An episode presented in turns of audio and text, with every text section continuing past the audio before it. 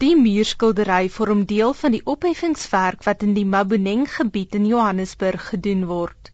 Die handelsmerkbestuurder van die Maboneng projek, Hailey Evans, sê hulle probeer die vernuweerde woonbuurt weer opkikker. The Maboneng precinct is located on the east side of Johannesburg city.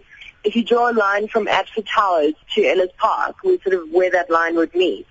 And we're a private urban development company within the city and our development started with Arts on Main and subsequently has grown to Main Street Life, which is a large residential building. It's also got a lot of retail and entertainment spots. We have the Bioscope Independent Cinema. We have the Pop Art Theatre. We have up to seven restaurants now in the precinct. Well, basically, we do a lot of street art, urban art projects within the precinct.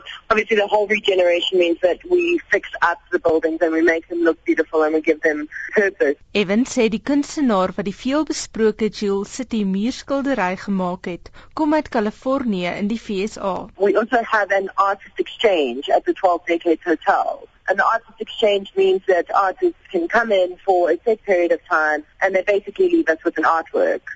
Die kunstenaar wat verkies om net onder die skuilnaam Above bekend te staan, sê hy het met opset die woorde op die muurskildery geverf. Hy sê dit sinspeel daarop dat die internasionale diamanthandelbedryf soveel lewensverlies en oorloë veroorsaak dat dit eintlik die mens se grootste vyand is.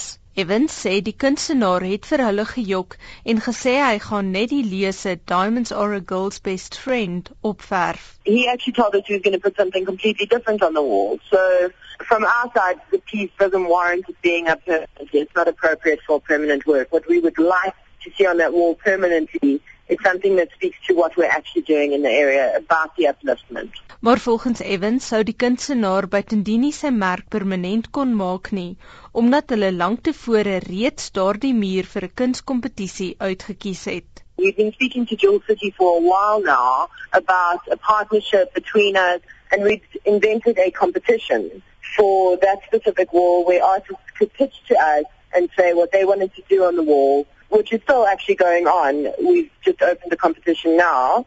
And basically what happened was this graffiti artist had arrived in Johannesburg. He was at the Cape Town residency and he arrived literally with three days kind of notice. And we couldn't find a wall that he wanted to paint on. And he asked us what was happening with that specific wall. We told him that we already had a competition going. So whatever he put up on the wall was going to be temporary. Dit was die handelsmerkbestuurder van die Maboneng projek in Johannesburg, Hailey Evans.